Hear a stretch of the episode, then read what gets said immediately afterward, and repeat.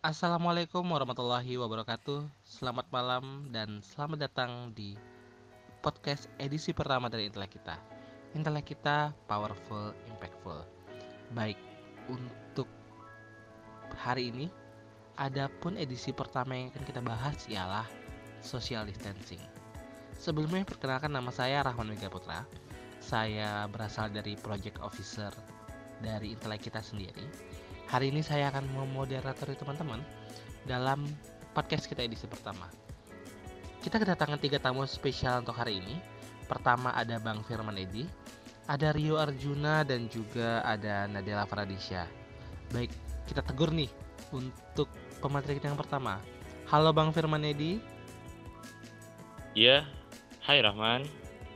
Baik, halo Bang Firman Edi. Nah, boleh dong sebelum masuk ke penjelasan kita kenal dan lebih lanjut. Sebenarnya Abang siapa dan di intelek kita sebagai apa dan juga apa sih aktivitas Abang akhir-akhir ini? Oke, uh, kebetulan aku di intelek kita sebagai CEO. Kalau bicara aktivitas sekarang atau uh, kegiatan-kegiatan sekarang, nah selain jadi uh, masuk akhir, tentu dong nyiapin TA gitu. Kemudian agak ada beberapa aktivitas juga kayak ada project-project kecil dan sebagainya. Tetap juga ngehandle beberapa komunitas, organisasi. Wow, sangat amat produktif walaupun ya bisa dibilang lagi tingkat akhir bang ya. Nah kita tegur juga nih pemateri kita yang kedua yaitu Nadia Faradisha. Halo Nadia Faradisha, boleh dong kenalan lebih lanjut uh, sebagai apa nilai kita dan juga apa sih kegiatannya akhir-akhir ini? Halo Rahman, iya nih kenalin dulu kali ya. Nama Disa adalah Faira Faradisa, biasanya dipanggil Disa. Terus kalau di Intel kita sekarang ini Alhamdulillah diamanahin uh, di Research Project Officer. Nah kalau ditanya kesibukan sekarang ini apa uh, kemarin ini baru selesai internship. Nah sekarang mungkin lagi ini sih nyusun-nyusun laporan nyelesain nyelesain tugas yang seharusnya untuk diselesaikan. Paling baca-baca buku terus diskusi-diskusi sih lebih seringnya diskusi sama teman-teman sama adik kelas via internet kayak gitu wah sangat bermanfaat ya akhir-akhir ini ya walaupun selesai magang langsung ke baca-baca buku dan diskusi dengan adik-adik ya nah untuk pemateri ketiga ketiga kita ada Rio Arjuna Halo Rio Arjuna dan sama seperti pemateri sebelumnya boleh dong kenalan lebih lanjut dan jelasin ngapain aja sih aktivitasnya akhir-akhir ini. Oke, selamat malam semuanya. Halo, uh, kenalin aku Rio Arjuna uh, di Intela kita dimanain sebagai uh, sosial entrepreneur. Alhamdulillah ini lagi menyibukkan diri di kampung halaman di Dumai. Sudah sekitar empat hari di Dumai Alhamdulillah. Izinkan untuk berbirul walidain. Ya teman-teman semuanya. Ya, akhir-akhir ini ya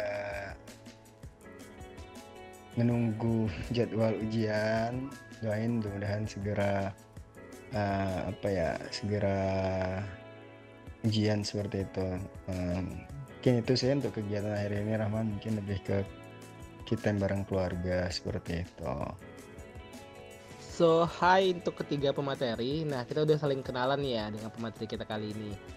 Untuk pembahasan lebih lanjut, kita kan untuk podcast kali ini kita bakal membahas social distancing. Namun, ada baiknya nih, orang-orang juga harus tahu sebenarnya komunitas yang ngebahas social distancing ini komunitas apa sih?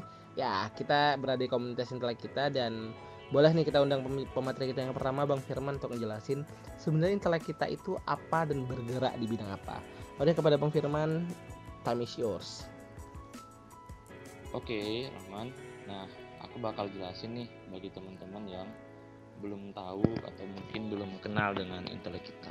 Nah, intelek kita ini adalah komunitas literasi yang ada di Pekanbaru. Kita uh, stay di Pekanbaru kayak gitu ini baru berdiri tahun 2020 kemarin tanggal 10 Januari 2020 baru nggak tuh nah kalau bicara tentang komunitas literasi kita ada uh, main point atau poin utama di intellek kita. Apa itu? Kita bakal bergerak atau fokus ke tiga poin literasi. Pertama, ilmu pengetahuan, kedua, sosial, ketiga, entrepreneurship atau wirausaha. Nah, ketiga ini jadi poin utama atau main point untuk kita bergerak. Fokusnya ketiga ini.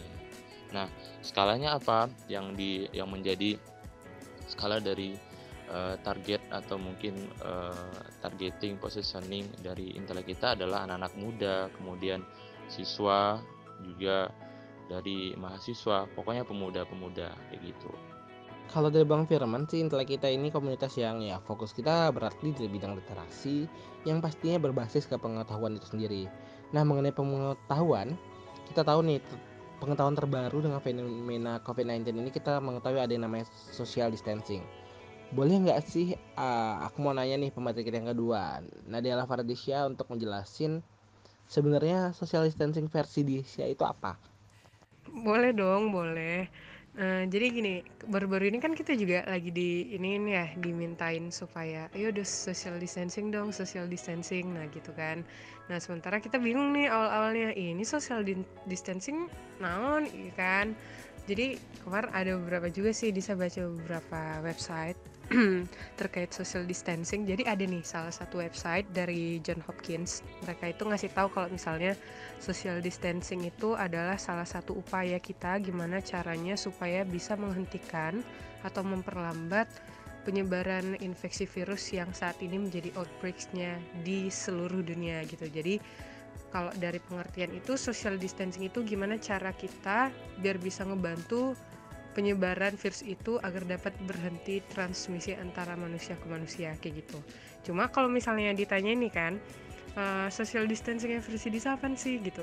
Mungkin kalau dari versi desainnya itu social distancing gimana cara kita supaya bisa uh, apa ya lebih meningkatkan uh, bondingnya kita dengan keluarga kita karena kan di sini social distancing yang digalakkan itu kan lebih ke gimana caranya supaya kita udah stay at home aja salah satu caranya gitu. Jadi kalau stay at home berarti bareng keluarga dong. Nah kalau misalnya dia mungkin anggaplah berdomisili satu daerah dan keluarga kalau misalnya nggak satu daerah mungkin di kosan aja gitu. Jadi kalau misalnya Disa karena kebetulan bareng keluarga jadi lebih kayak ngebonding dengan keluarga terus kayak ya lakuin what I love.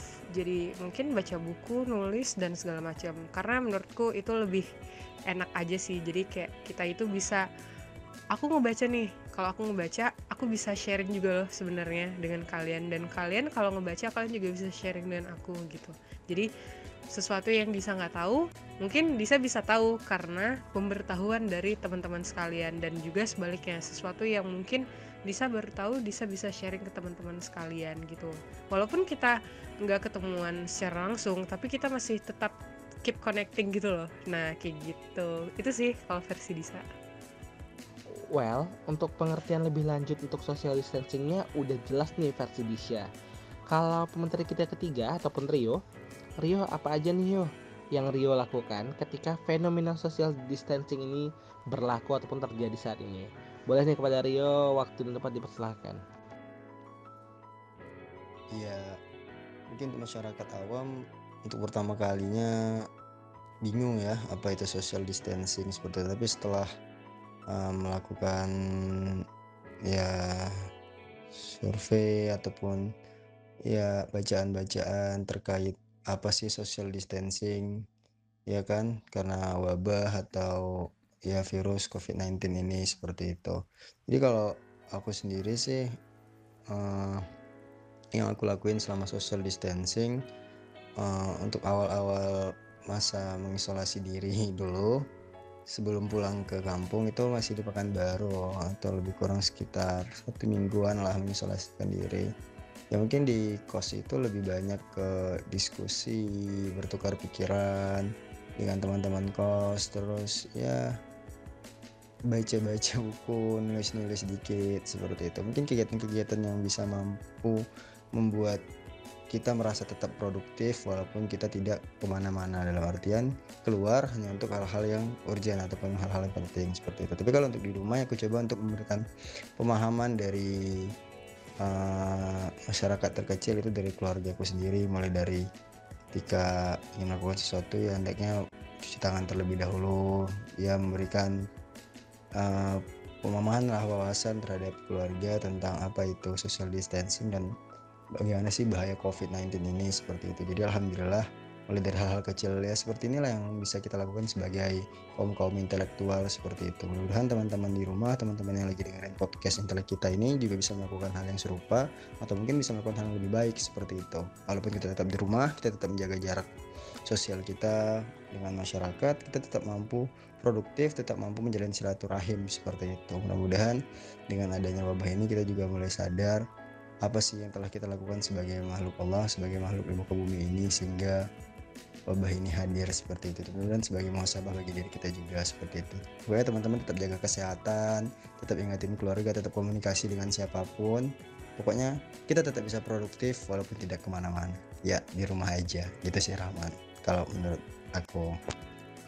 Kegiatan yang fokusnya lebih ke di rumah aja ataupun lebih dekat kepada keluarga merupakan kegiatan yang dipilih oleh Rio dalam fenomena social distancing kali ini.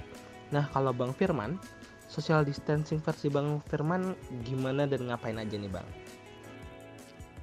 Oke Rahman, nah kalau bicara tentang social distancing ya, kalau versi aku sendiri uh, memang uh, sekarang uh, semenjak uh, pemerintah mengeluarkan uh, apa namanya peraturan gimana kita harus stay di rumah, stay at home, kemudian work from home dan lain sebagainya, aku termasuk orang yang uh, mulai merubah kegiatan-kegiatan di luar ke rumah kayak gitu.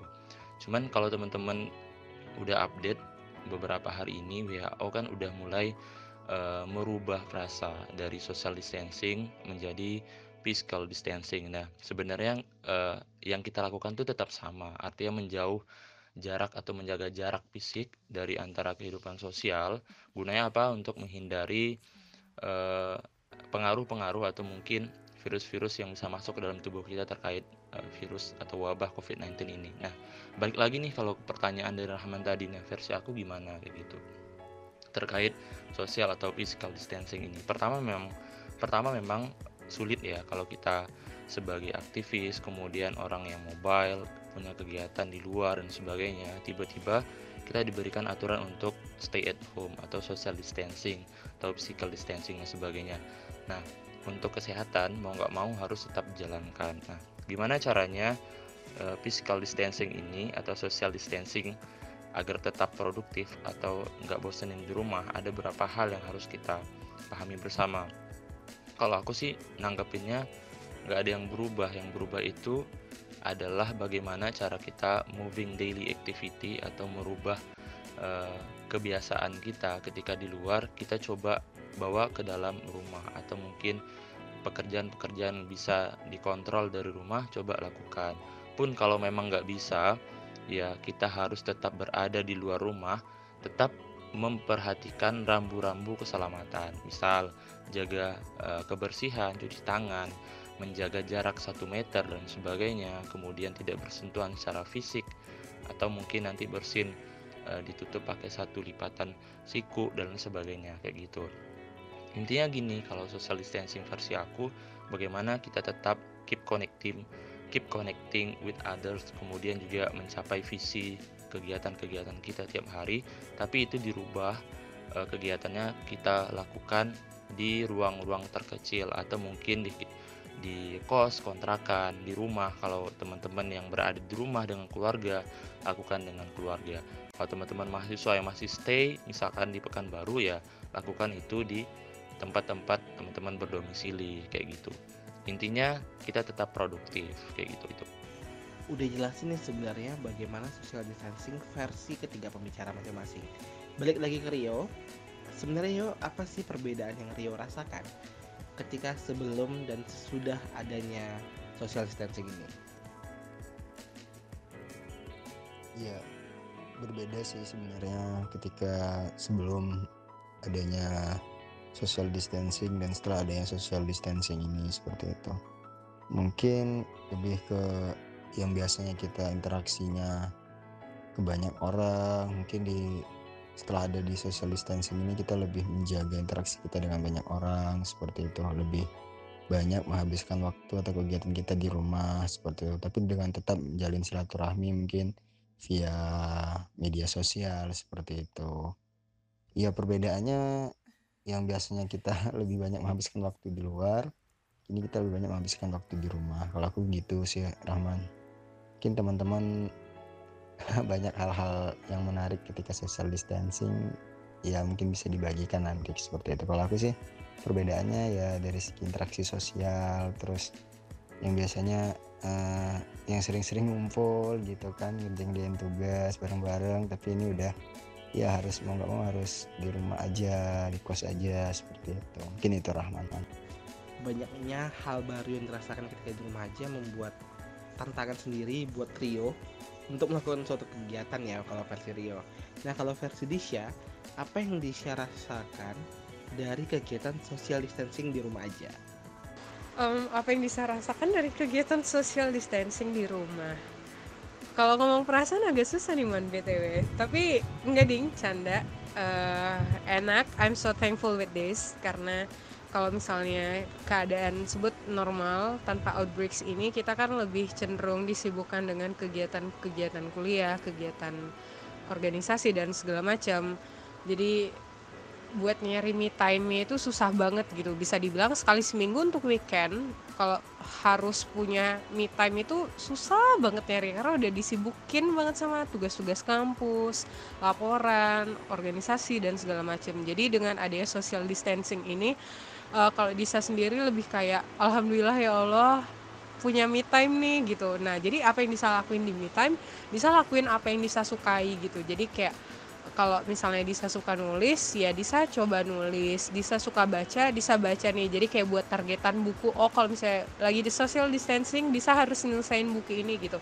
Jadi kebetulan uh, di Instagram itu bisa punya tagar Ayu Read This jadi kalau misalnya udah selesai baca buku bisa bakalan ngebuat reviewnya di Instagram. Jadi harapannya itu bisa bermanfaat buat teman-teman gitu kan. Kalau misalnya kita bisa memberikan manfaat untuk orang lain insya Allah kita bakalan diberikan juga kebermanfaatan oleh orang lain di saat yang kita tidak sangka-sangka kayak gitu. Terus juga seneng sih karena karena kita ini bisa lebih ngebonding dengan keluarga bisa ngajarin adik buat kayak gini kayak gini cerita-cerita dan kayak lebih memahami bahwa sebenarnya actually this is what I'm looking for. Di saat kita sibuk buat kuliah di saat kita sibuk dan organisasi kita sibuk mencari mencari apa ya rezeki lah sebut. Nah kita tuh kadang kebahagiaan itu nggak keisi dengan kesibukan-kesibukan kita walaupun kita padat dan produktif gitu Nah, karena sebenarnya apa kebahagiaan itu ada mungkin di keluarga kita. Uh, banget nggak tuh? Jadi kayak gitu. I'm so thankful with this. Jadi memang ada plus minusnya kalau kita nggak social distancing, sebut dalam keadaan normal, kita bakalan disibukkan dengan ya kuliah dan organisasi segala macam. Tapi kalau misalnya ada ya social distancing, ya kita bisa lebih membagi sih mana waktu untuk ya kuliah kan tetap jalan ya karena online. Jadi kita bisa membagi kapan waktu untuk kuliah kapan bisa me time kapan bisa uh, family time kapan kita bisa ini itu dan segala macam. Jadi kayak enak aja sih so far kalau misalnya kita mau membuat kenyamanan itu dari dalam diri kita sendiri gitu. Dari ketiga pemateri kita hari ini udah jelas sih sebenarnya apa itu social distancing dan bagaimana manfaat yang dirasakan ketika ada social distancing. Nah, sebagai penutup, untuk pembahasan kita kali ini aku mau minta statement dari masing-masing pemateri untuk ngejelasin sekali lagi kalau di rumah aja itu oke okay, dan ajakan buat seluruh penikmat podcast intelek kita hari ini untuk stay at home dan it oke okay, ladies and gentlemen. Oke okay, bisa dimulai dari Rio deh. Kita mulai dari Rio. Rio boleh nih statementnya Rio Ya, untuk seluruh teman-teman pendengar podcast Intelek kita edisi pertama, mudah-mudahan teman-teman selalu dalam keadaan sehat, tetap jaga diri, jaga orang-orang tersayang. Mulailah dari diri sendiri untuk memberikan pemahaman bahwa social distancing itu sangat penting kita lakukan untuk saat ini. Bertahan saja dulu di rumah dengan segala kegiatan yang bisa kita lakukan. Mudah-mudahan dengan social distancing ini, dengan stay at home, dengan di rumah aja kita mampu membantu pemerintah untuk menanggulangi untuk meminimalisir penyebaran COVID-19 ini seperti itu. Mudah-mudahan hal kecil yang bisa kita bantu untuk pemerintah mampu berdampak besar. Tidak masalah untuk bertahan di rumah dulu. Uh, saya percaya bahwa teman-teman bisa, kita bisa, dan kita pasti mampu untuk melewati fase ini seperti itu. Yakin dan percayalah semua ini hanya fase dan setelah hujan reda pasti akan ada pelangi. Jadi Allah telah menyiapkan sesuatu yang indah buat kita bersama jika kita bersabar dan kita selalu muasabah tentang apa yang telah kita lakukan. Tetap di rumah, lakukan apa yang bisa teman-teman lakukan. Kerjakan yang kamu sukai, suka yang kamu kerjakan di rumah aja. Kita bersama dan bersabar tentunya kita juga bisa bareng-bareng lagi kok nanti ketika wabah ini udah selesai dan social distancing ini berhasil kita lakukan. Nah, kalau ajakan versi Disha gimana nih Dis? Ah, a really good listener of Intel kita. Yuk kita bareng-bareng usaha, kita bareng-bareng berjuang untuk melakukan social distancing ini. Mari kita lakukan apa yang kita cintai, manfaatkan apa yang kita miliki. Nah, di saat kita mencintai sesuatu, yuk kita lakukan itu selama masa social distancing ini gitu. Misalnya teman-teman suka baca buku mangga tuh dibaca bukunya. Kalau teman-teman suka nulis soka tuh nulis gitu. Kalau misalnya teman-teman nih uh, apa ya sukanya eh, diskusi ya udah silahkan diskusi dulu nih sama adik abang kakak atau teman satu kos kayak gitu kan. Jadi kita bisa tetap bisa produktif walaupun social distancingnya sedang berjalan kayak gitu. Terus kalau misalnya eh gue mah doyannya ini keluar jalan-jalan ke mall. Ditahan dulu ya sister and brothers karena nanti aja kita jalan-jalan ya di saat insya Allah situasi sudah membaik di saat bumi sudah mulai sembuh nanti kita jalan-jalan gitu. Buat sekarang kita usaha dulu sama-sama kita bantu garda terdepan yang sedang berjuang kita bantu pemerintah. Manfaatkan apa yang kita punya di rumah. Misalnya ada TV ya udah silahkan manfaatkan TV kalau misalnya punya masakan-masakan yang mungkin nggak kepakai itu di belakang di dapur di kulkas silahkan dimanfaatkan disajikan dibuat masakan dengan penuh cinta dan kasih sayang kayak gitu Terus uh, bonding sih dengan keluarga itu yang lebih penting. Jadi ayolah kita manfaatkan ini sebagai birrul walidain juga berbakti pada orang tua, mengikat mengikat uh, emosional yang lebih dalam dengan keluarga kita atau dengan teman kos kita dan segala macam kayak gitu. Jadi kita itu sebenarnya bisa jika kita bersama. Jadi jangan sampai kita jalan sendirian karena bersama itu lebih baik daripada kita sendirian ibarat katanya itu seperti ini. Desa kita berjalan kita berjalan berjalan dengan satu kaki tidak segampang berjalan dengan dua kaki. Jadi jangan sampai kita itu berjalan tertatih-tatih hanya menggunakan satu kaki. Mari kita berjalan bersama-sama dengan dua kaki yang kita miliki manfaatkan apa yang kita punya karena sesungguhnya Allah itu sudah memberikan yang terbaik untuk kita. Allah sudah memberikan menitipkan kelebihan yang ada pada diri kita. Jadi kita harus tetap bisa memanfaatkan itu walaupun sekarang social distancing ini sedang berlangsung. Jadi itu nggak boleh menjadi penghalang. Yuk kita di rumah aja karena ini rumah kita, tempat ternyaman dan udah di rumah aja. Sebagai ajakan terakhir nih dari pemateri kita yang ketiga, ajakan untuk stay at home dan social distancing versi Bang Firman gimana? Oke, aku bakal ngasih pesan terakhir ya. E, maksudnya pesan terakhir di podcast ini, I mean. Nah, um, untuk kondisi seperti ini, social distancing, kemudian juga pandemi COVID-19 ini muncul beberapa ajakan kemudian seruan pemerintah untuk kita memperhatikan beberapa hal termasuk social distancing atau physical distancing. Nah, aku pengen ngasih pesan uh, dari kita sebagai atau kacamata kita sebagai seorang pemuda, seorang mahasiswa dan ada sebuah tanggung jawab yang kita yang kita emban kayak gitu. Nah, kalau aku sih kita uh, harus tahu ya apa sebab dan akibat setiap tindakan yang kita lakukan, termasuk social distancing ini. Nah, itulah mengapa kalau aku berpandangan kita harus punya beberapa hal yang harus kita lakukan. Nah, sebenarnya simple teman-teman ya Eh, para pendengar podcast Intel kita. Pertama, memang kalau aku pernah uh, research juga beberapa uh, orang di kampung, kemudian keluarga bahkan keluarga banyak yang nggak tahu social distancing, kemudian beberapa hal yang harus dilakukan oleh kita sebagai seorang manusia untuk menghindari COVID-19 ini. Nah, aku pengen ngajak teman-teman semuanya, mari sama-sama kita mengedukasi orang-orang terdekat, mulai dari keluarga kita, baik itu via uh, telepon kalau misalnya keluarga yang lagi di kampung atau mungkin ngobrol langsung boleh. Gimana sih apa yang kita lakukan apa yang harus kita lakukan untuk menghindari virus COVID-19 ini? Pertama mengedukasi. Mulai dari dari mana? Ya mulai dari lingkungan terkecil kita. Teman-teman kos kemudian keluarga dan sebagainya. Yang kedua saranku adalah coba kita kasih contoh. Nah kalau kita kalau kita udah ngasih contoh nih otomatis orang kalau pengen melanggar atau pengen melakukan sesuatu yang bertentangan dengan social distancing mereka agak malu karena kita udah melakukannya kayak gitu. Yang ketiga aku ini uh, pengen ngasih uh, apa namanya penekanan untuk kita semua. Mari sama-sama kita suarakan pesan positif. Karena beberapa hari ini kalau kita lihat di sosial media ya atau mungkin beberapa waktu yang lalu agak ada semacam pertempuran online ya antara misalkan nih pemerintah buat kebijakan ada yang pro dan ada yang kontra. Yang parahnya adalah e, tim pro dan kontra ini selalu beradu argumen yang e, hasilnya nggak ada sama sekali bahkan bikin kita semakin panik dan sebagainya. Nah maka pesanku coba kita sebagai mahasiswa sebagai pemuda tangkal pesan-pesan yang negatif apalagi hoax dan sebagainya supaya apa? Supaya kita tetap berada di pesan-pesan kedamaian kayak gitu. Dan yang terakhir aku pengen nyaranin teman-teman agar tetap produktif.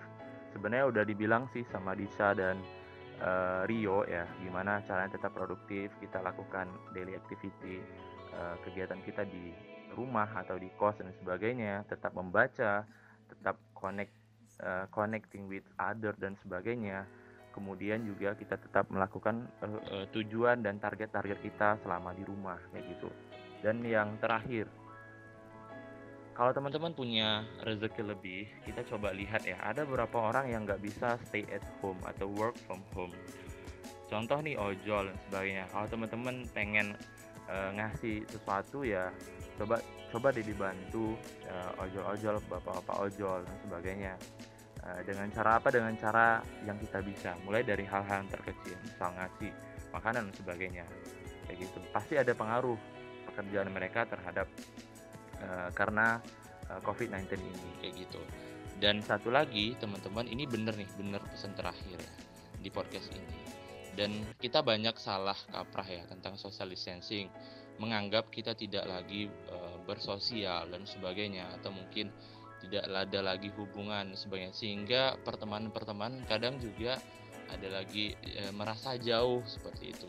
Dan aku pengen nyaranin pengen ngutip dari beberapa kata-kata teman-temanku yang lagi viral juga di beberapa grup WhatsApp kemudian juga story WhatsApp dan sebagainya. E, ya sebenarnya yang bikin kita dekat itu bukan jarak tapi e, perasaan kita kemudian hubungan kita komunikasi kita jadi nggak ada alasan teman-teman merasa sendiri ketika di rumah. Tetap kita connect dengan teman-teman kita dan kita tidak sendiri kita bersama-sama gitu. Terima kasih itu sih menurut aku. Cintai apa yang kamu kerjakan sehingga semua pekerjaan yang kamu kerjakan walaupun itu hanya di rumah saja menjadi kegiatan yang cukup optimal dan merupakan kegiatan yang produktif. Sekian pembahasan podcast kita edisi pertama hari ini. Terima kasih kepada tiga pemateri yang sangat luar biasa, ada Bang Firman, Rio, dan juga Disha. Saya Rahman Mega Putra dari Research Project Officer undur diri dan sampai jumpa di podcast selanjutnya. Intelek kita powerful, impactful. Nah, untuk pesan terakhir dari saya sebagai penutup mengenai social distancing dari intelek kita sih aku, kamu, kita pasti bisa menghadapi social distancing. Udah ah, ayo di rumah aja.